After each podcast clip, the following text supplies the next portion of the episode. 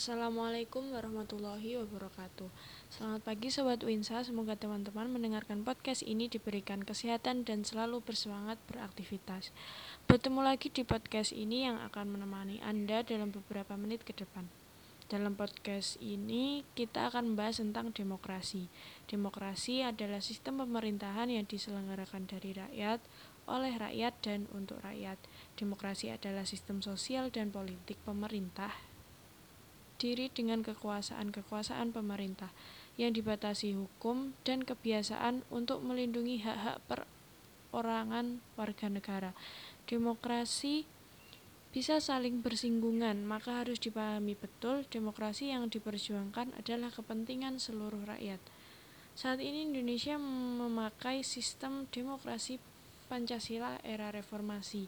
Inti dari reformasi tersendiri adalah memelihara kinerja bangsa dan negara yang sudah baik di masa lampau dan memperbaiki kekurangannya. Namun, dalam penerapan Pancasila di era reformasi ini masih ada tantangan dalam penerapannya, yaitu menurunnya rasa persatuan dan kesatuan di antara di antara sesama warga bangsa.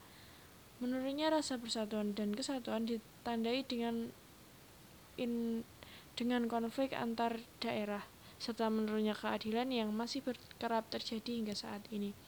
Indonesia merupakan negara demokrasi, maka yang menjalankan suatu negara itu tidak hanya kepemimpinan pemerintah saja, tetapi kita sebagai mahasiswa juga ikut adil dalam menggerakkan suatu negara, sehingga mahasiswa juga harus memiliki power dalam menggerakkan demokrasi itu sendiri.